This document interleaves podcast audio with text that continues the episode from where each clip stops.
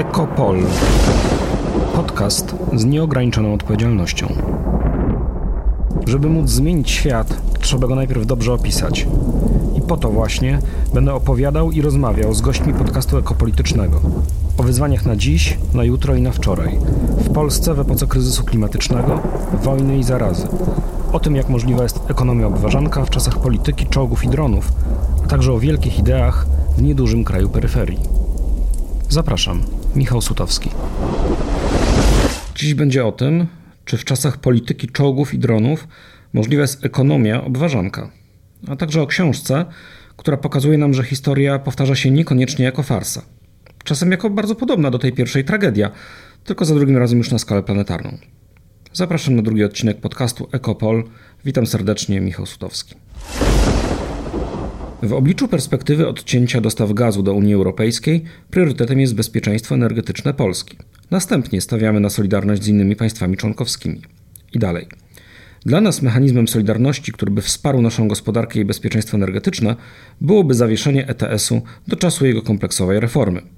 Tak mówiła minister klimatu i środowiska Anna Moskwa w lipcu. Chcę zaproponować prezydentowi Macronowi, aby zawiesić przynajmniej na jakiś czas, albo przynajmniej sprowadzić do jakiegoś poziomu akceptowalnego 25-30 euro za tonę opłatę za uprawnienia do emisji CO2. To premier Morawiecki do widzów TVP Info przed wizytą we Francji z końca sierpnia. I wreszcie.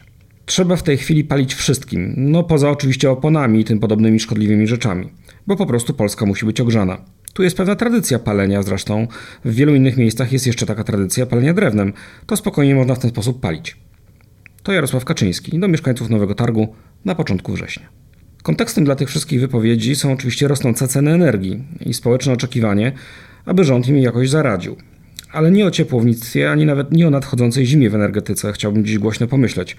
O tym w kolejnych odcinkach Ekopolu ale o tym, jaka, poza doraźnym interesem politycznym, idea stoi za tymi wypowiedziami i dlaczego ta idea jest nieprawdziwa.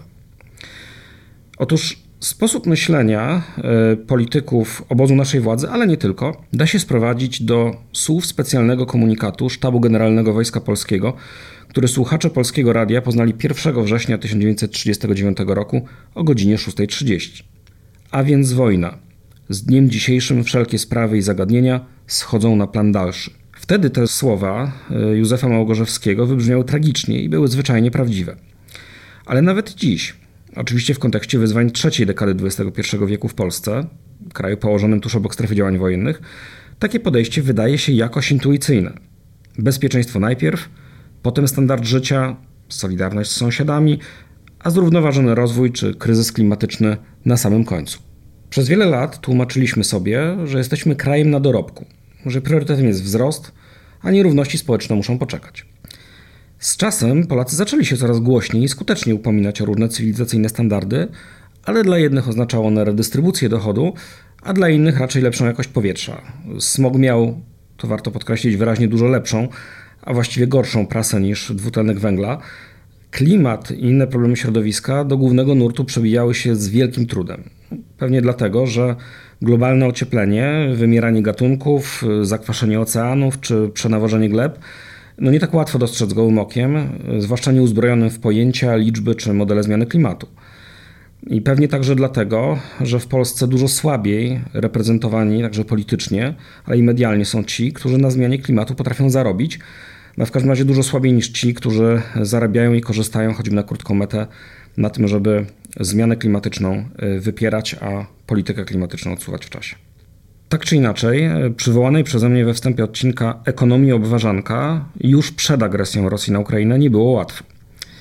No bo myślenie o urządzaniu gospodarki i społeczeństwa, y, czyli infrastruktury, ale i naszych aspiracji, prawa i zwyczajów, w taki sposób, byśmy wszyscy z jednej strony pomieścili się powyżej progu zaspokojenia podstawowych potrzeb, ale i poniżej pułapu ekologicznych możliwości planety, no wielu z nas zdawało się fanaberią.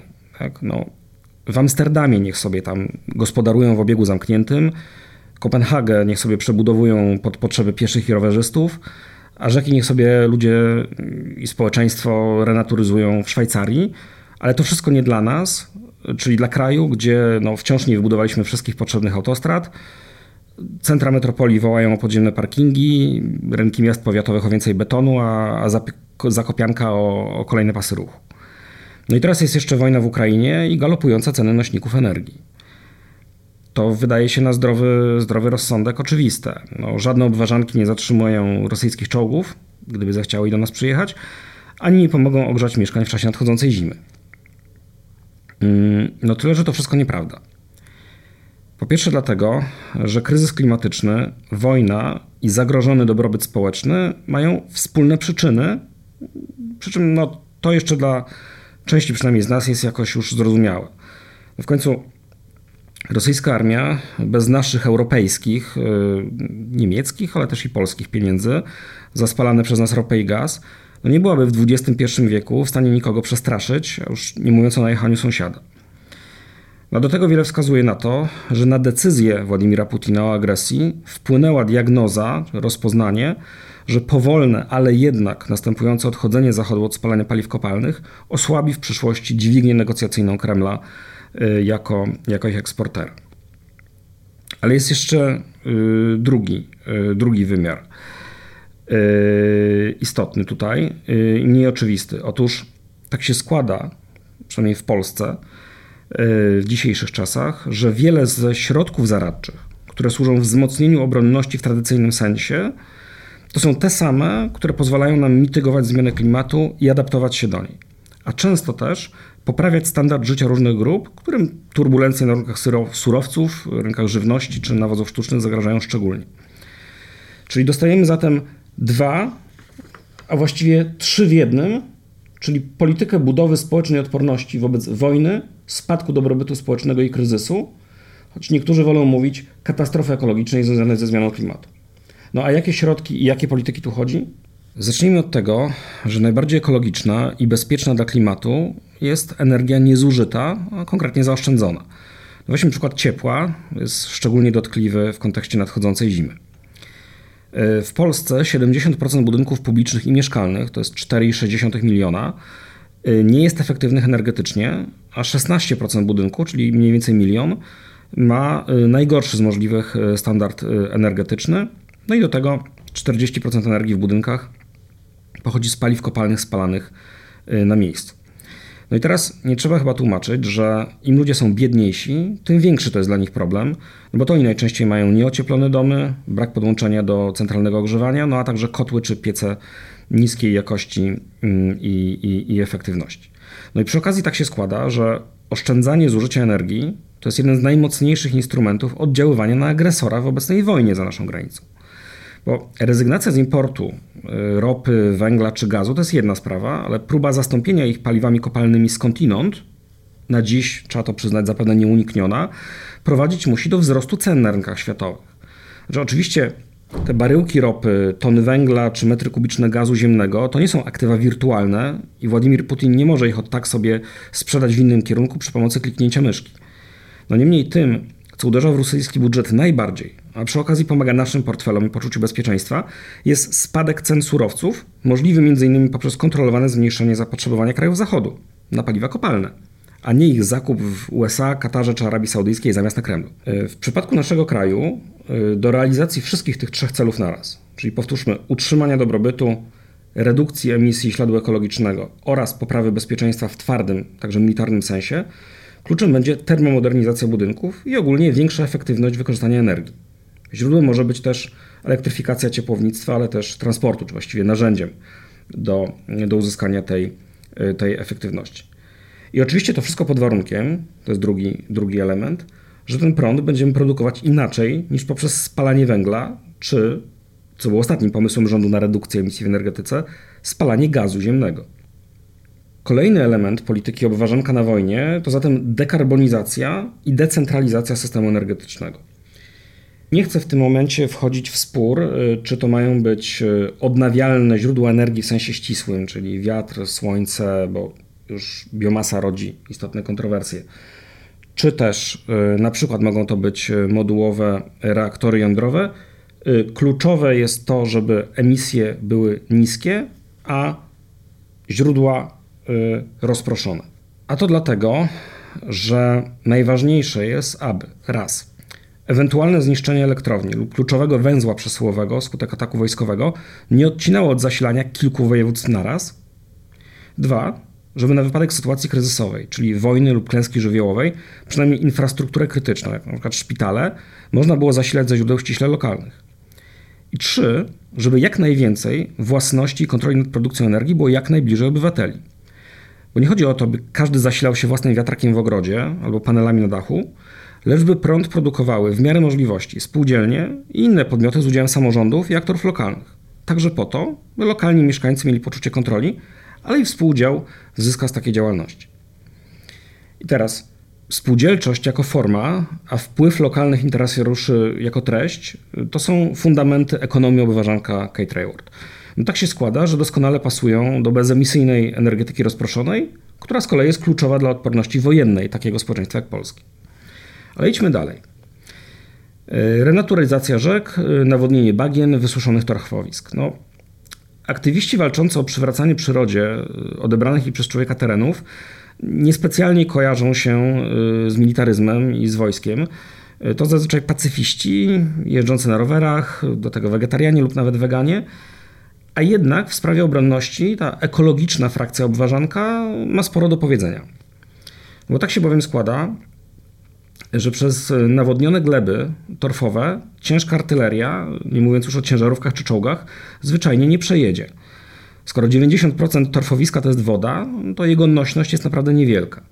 I w efekcie, jeśli wrogie wojsko spróbuje tam wjechać, no to albo dostajemy obrazki potopionych kolumn pojazdów, jak to było na wojnie w Ukrainie, no albo te same kolumny zmuszone są y, poruszać się po, wyłącznie po drogach, no a wtedy stają się dość, y, dość wygodnym, dość łatwym celem dla obrońców terenu.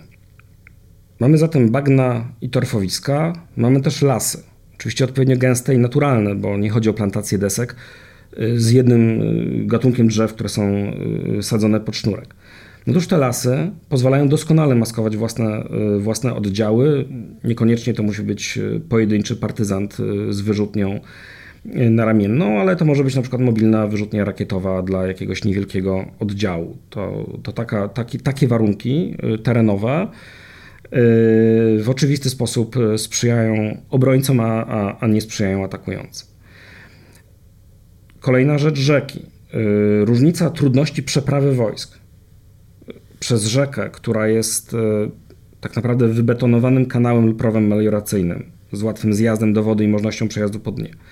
A rzeką, która naturalnie meandruje, co jakiś czas wylewa na dużym obszarze i nie daje miejsca do zbudowania, zbudowania przykład mostu pontonowego, ta różnica jest kolosalna. Znowu, yy, generuje przewagę tych, którzy się bronią nad tymi, yy, którzy, yy, którzy atakują. I te wszystkie naturalne przeszkody terenowe, a więc y, torfowiska, y, lasy naturalne, y, zrenaturyzowane czy dzikie rzeki, one służą jednocześnie retencji wody. I to takiej retencji najbardziej pożądanej, czyli w glebie zamiast sztucznego zbiornika. One też najskuteczniej, właśnie dzięki temu, zapobiegają powodziom i utrzymują wysoki poziom wód gruntowych, tak, które są kluczowe dla, dla rolnictwa. Lasy z kolei, a już zwłaszcza torfowiska, są też naturalnymi magazynami węgla. Znowu pokazuje, jak to, to samo zjawisko, y, ten sam obiekt, w tym wypadku y, przyroda w formie jak najbardziej w cudzysłowie dzikiej, y, sprzyja funkcjom obronnym i jednocześnie realizuje funkcje kluczowe z punktu widzenia ochrony środowiska. Oczywiście Oddawanie z powrotem odebranych przez człowieka przyrodzie terenów rodzi różne napięcia społeczne i konflikty, nie tylko lokalnych interesów, no ale to samo dotyczy przecież procesu odwrotnego, czyli na przykład regulowania rzek, osuszania mogradów i torfowisk czy, czy wycinki lasów. Takich polityk publicznych realizujących kilka celów na raz jest oczywiście dużo więcej. No wymieńmy choćby rozwój sieci transportu publicznego, zwłaszcza kolejowego.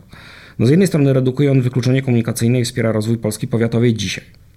Z drugiej ogranicza emisje i zanieczyszczenia powietrza związane ze spalaniem paliw przez użytkowników indywidualnych, dzisiaj i jutro. Tak? No, jeśli więcej jeździmy pociągiem, to mniej jeździmy samochodem. I wreszcie na wypadek wojny transport zbiorowy, przede wszystkim kolejowy, jest niezbędny do przykład planowej, uporządkowanej e, ewakuacji ludności z zagrożonych terenów, co e, świetnie pokazują doświadczenia roli, jaką w czasie wojny w Ukrainie odegrała, właściwie cały czas odgrywa przedsiębiorstwo e, Ukrzaliznycja, czyli państwowy zarząd transportu kolejowego Ukrainy. No i co to wszystko znaczy? No, mówiąc niezbyt ładnie po polsku, long story short, yy, to nie tak, że klimat, środowisko i poziom życia na prowincji muszą poczekać, bo najpierw musimy kupić czołgi, potem zbudować mur na granicy z Białorusią, a jak zostaną jeszcze jakieś pieniądze, to uregulować rzeki, co by były żeglowne. Zła wiadomość jest taka, że musimy naraz troszczyć się o poziom wody w rzekach i w glebie, o wielkość emisji gazów cieplarnianych, o zdolność społeczności lokalnych do zasilenia prądem najważniejszej instytucji na wypadek klęski żywiołowej, o niezamarznięcie ani śmierć z powodu upałów tysięcy obywateli i do tego wszystkiego jeszcze o zdolność do obrony własnego terytorium przed inwazją lądową. Tymi sprawami musimy się zająć tu i teraz naraz. Natomiast wiadomość dobra jest taka, że wiele z tych rzeczy możemy zrobić właśnie naraz, tymi samymi politykami, tymi samymi narzędziami i metodami.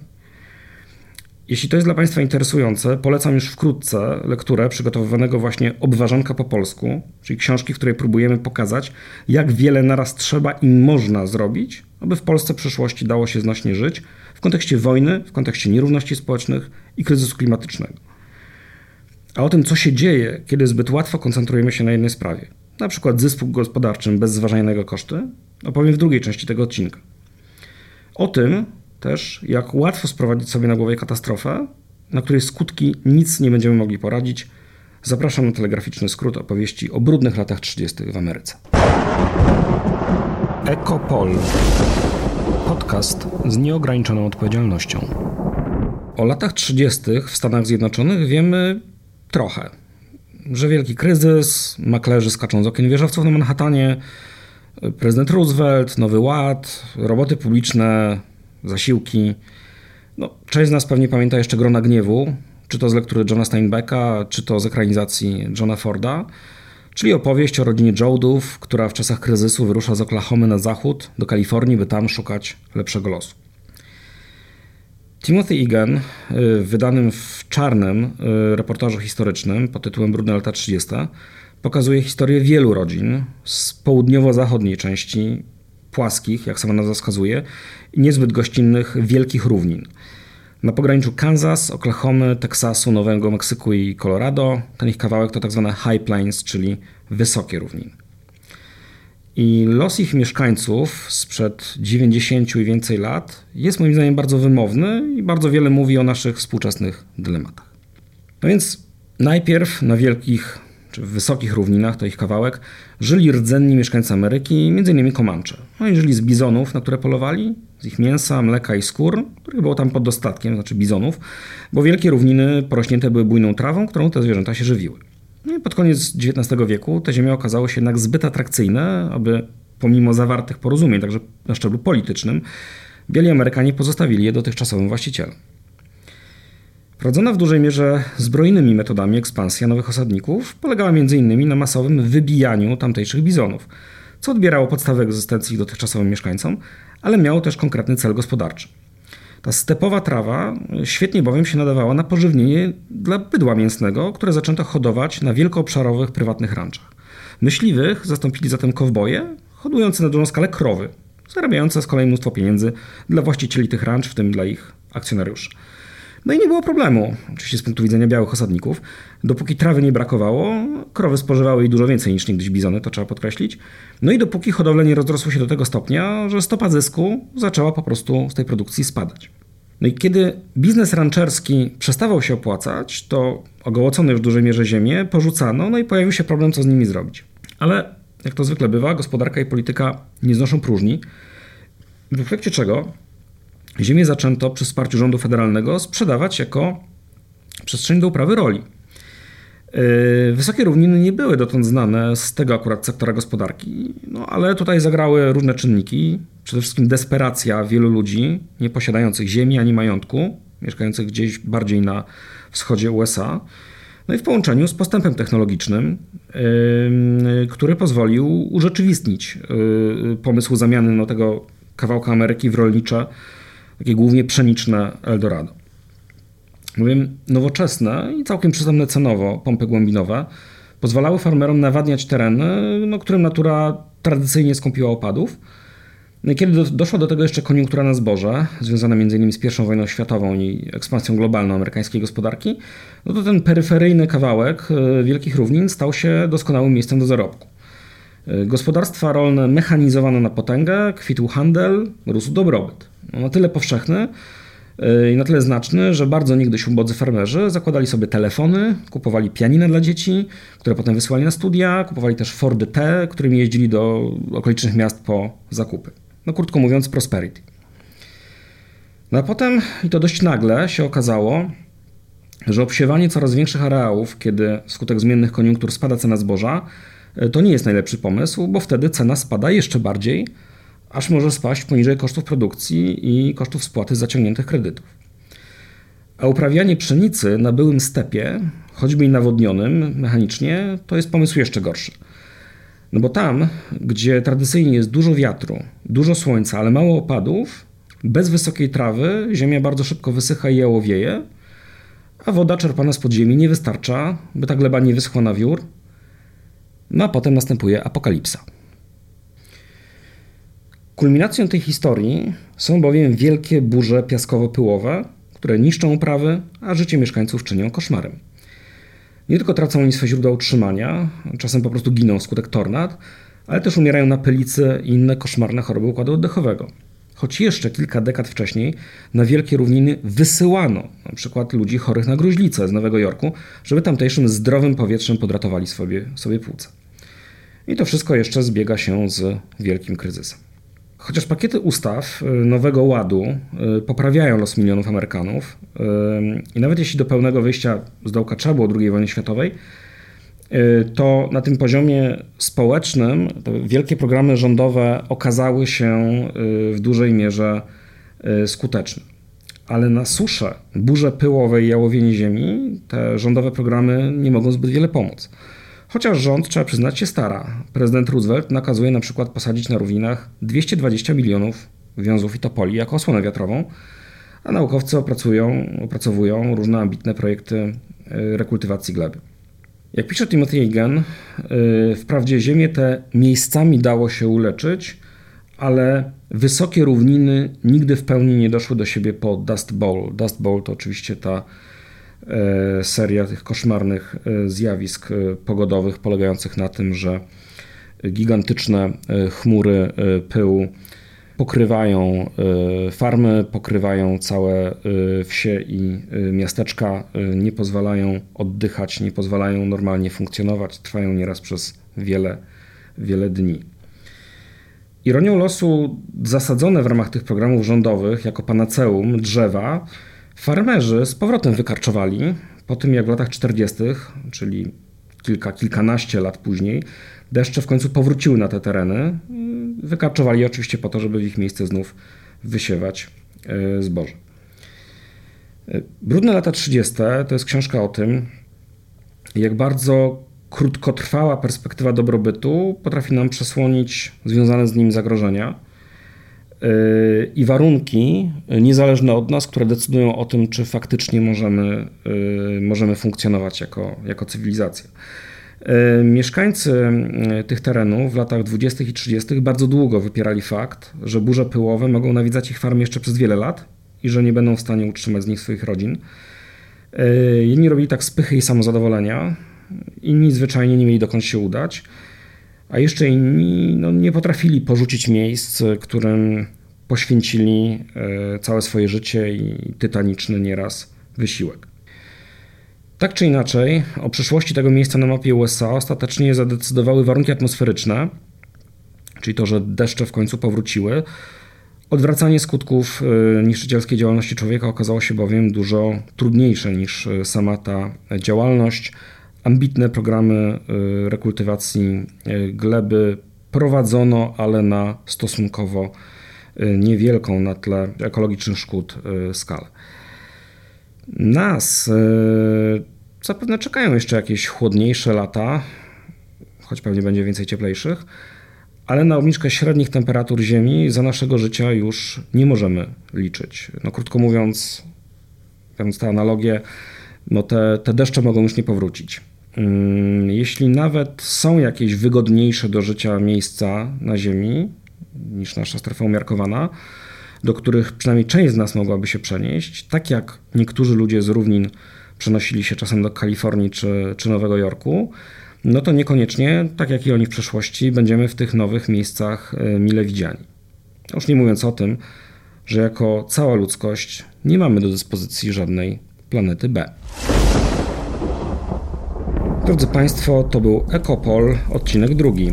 Zapraszam do słuchania tych archiwalnych, a także kolejnych odcinków podcastu, które znajdziecie Państwo na stronie www.krytykapolityczna.pl kośnik podcast, a także na platformach streamingowych SoundCloud, Spotify czy Apple Podcast. Ja nazywam się Michał Sutowski. Dziękuję za uwagę. Do usłyszenia.